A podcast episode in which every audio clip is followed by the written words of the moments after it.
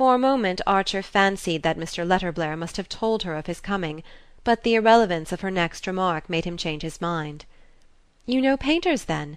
You live in their milieu?" she asked, her eyes full of interest. "Oh, not exactly. I don't know that the arts have a milieu here, any of them. They're more like a very thinly settled outskirt."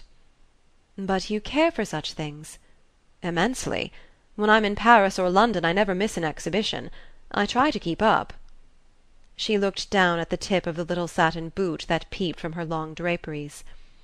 "I used to care immensely too. My life was full of such things.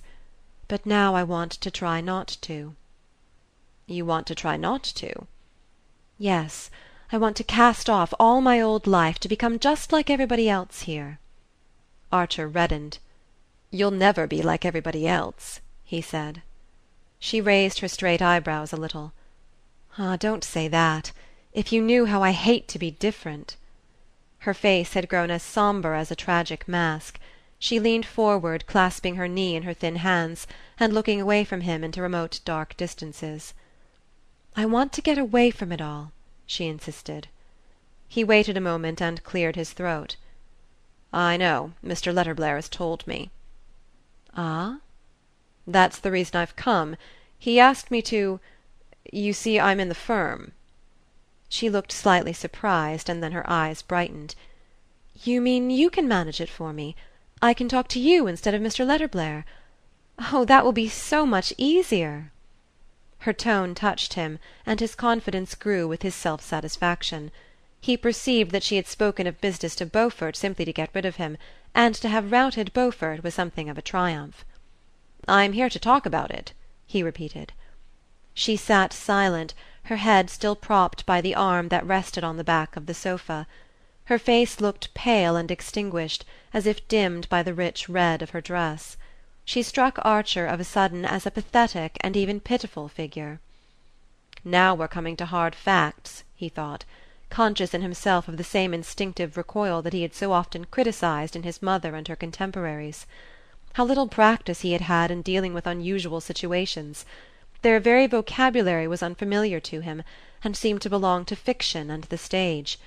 In face of what was coming he felt as awkward and embarrassed as a boy. After a pause Madame Olenska broke out with unexpected vehemence: "I want to be free! I want to wipe out all the past!" "I understand that." Her face warmed. "Then you'll help me?" "First," he hesitated, "perhaps I ought to know a little more." She seemed surprised. "You know about my husband my life with him?" He made a sign of assent. "Well, then, what more is there? In this country are such things tolerated? I'm a Protestant; our Church does not forbid divorce in such cases." "Certainly not." They were both silent again, and Archer felt the spectre of Count Olenski's letter grimacing hideously between them. The letter filled only half a page, and was just what he had described it to be in speaking of Mr. Letterblair the vague charge of an angry blackguard. But how much truth was behind it? Only Count Olenski's wife could tell. "I've looked through the papers you gave to Mr. Letterblair," he said at length. "Well? Can there be anything more abominable?"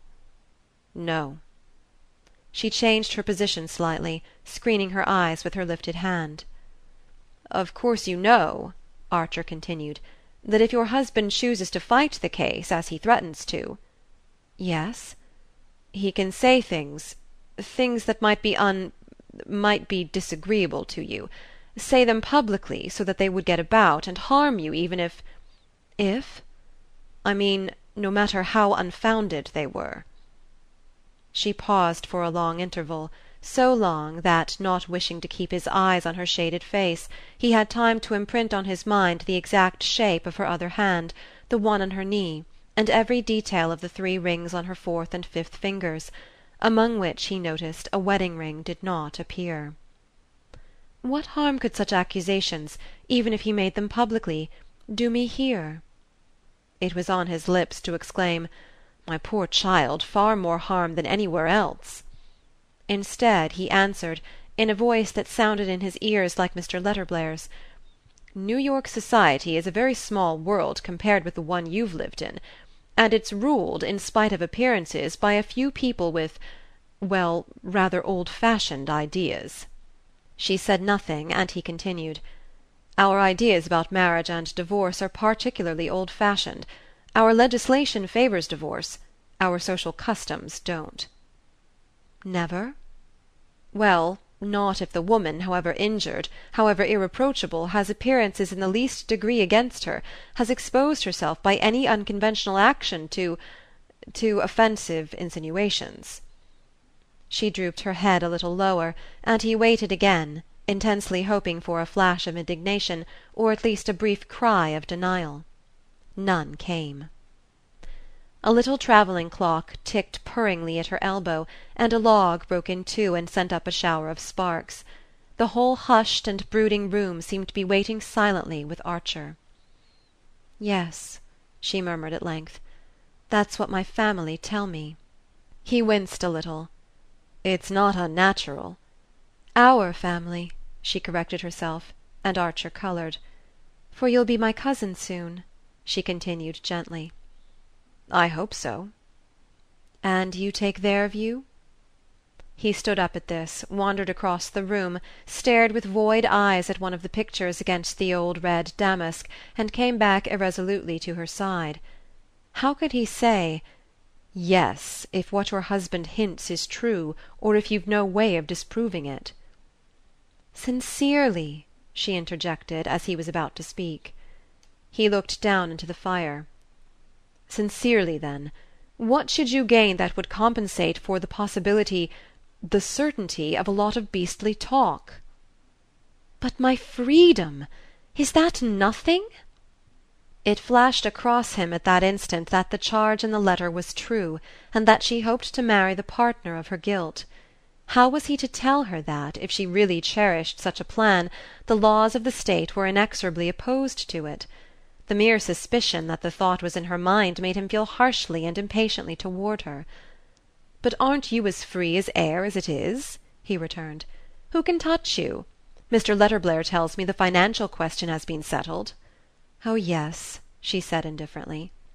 "Well, then, is it worth while to risk what may be infinitely disagreeable and painful? Think of the newspapers their vileness! It's all stupid and narrow and unjust, but one can't make over society." "No," she acquiesced, and her tone was so faint and desolate that he felt a certain remorse for his own hard thoughts. The individual in such cases is nearly always sacrificed to what is supposed to be the collective interest. People cling to any convention that keeps the family together protects the children if there are any," he rambled on, pouring out all the stock phrases that rose to his lips in his intense desire to cover over the ugly reality which her silence seemed to have laid bare. Since she would not or could not say the one word that would have cleared the air, his wish was not to let her feel that he was trying to probe into her secret. Better keep on the surface, in the prudent old New York way, than risk uncovering a wound he could not heal. "It's my business, you know," he went on, "to help you to see these things as the people who are fondest of you see them the Mingotts, the Wellands, the van der Luydens, all your friends and relations. If I didn't show you how honestly they judge such questions it wouldn't be fair of me, would it?"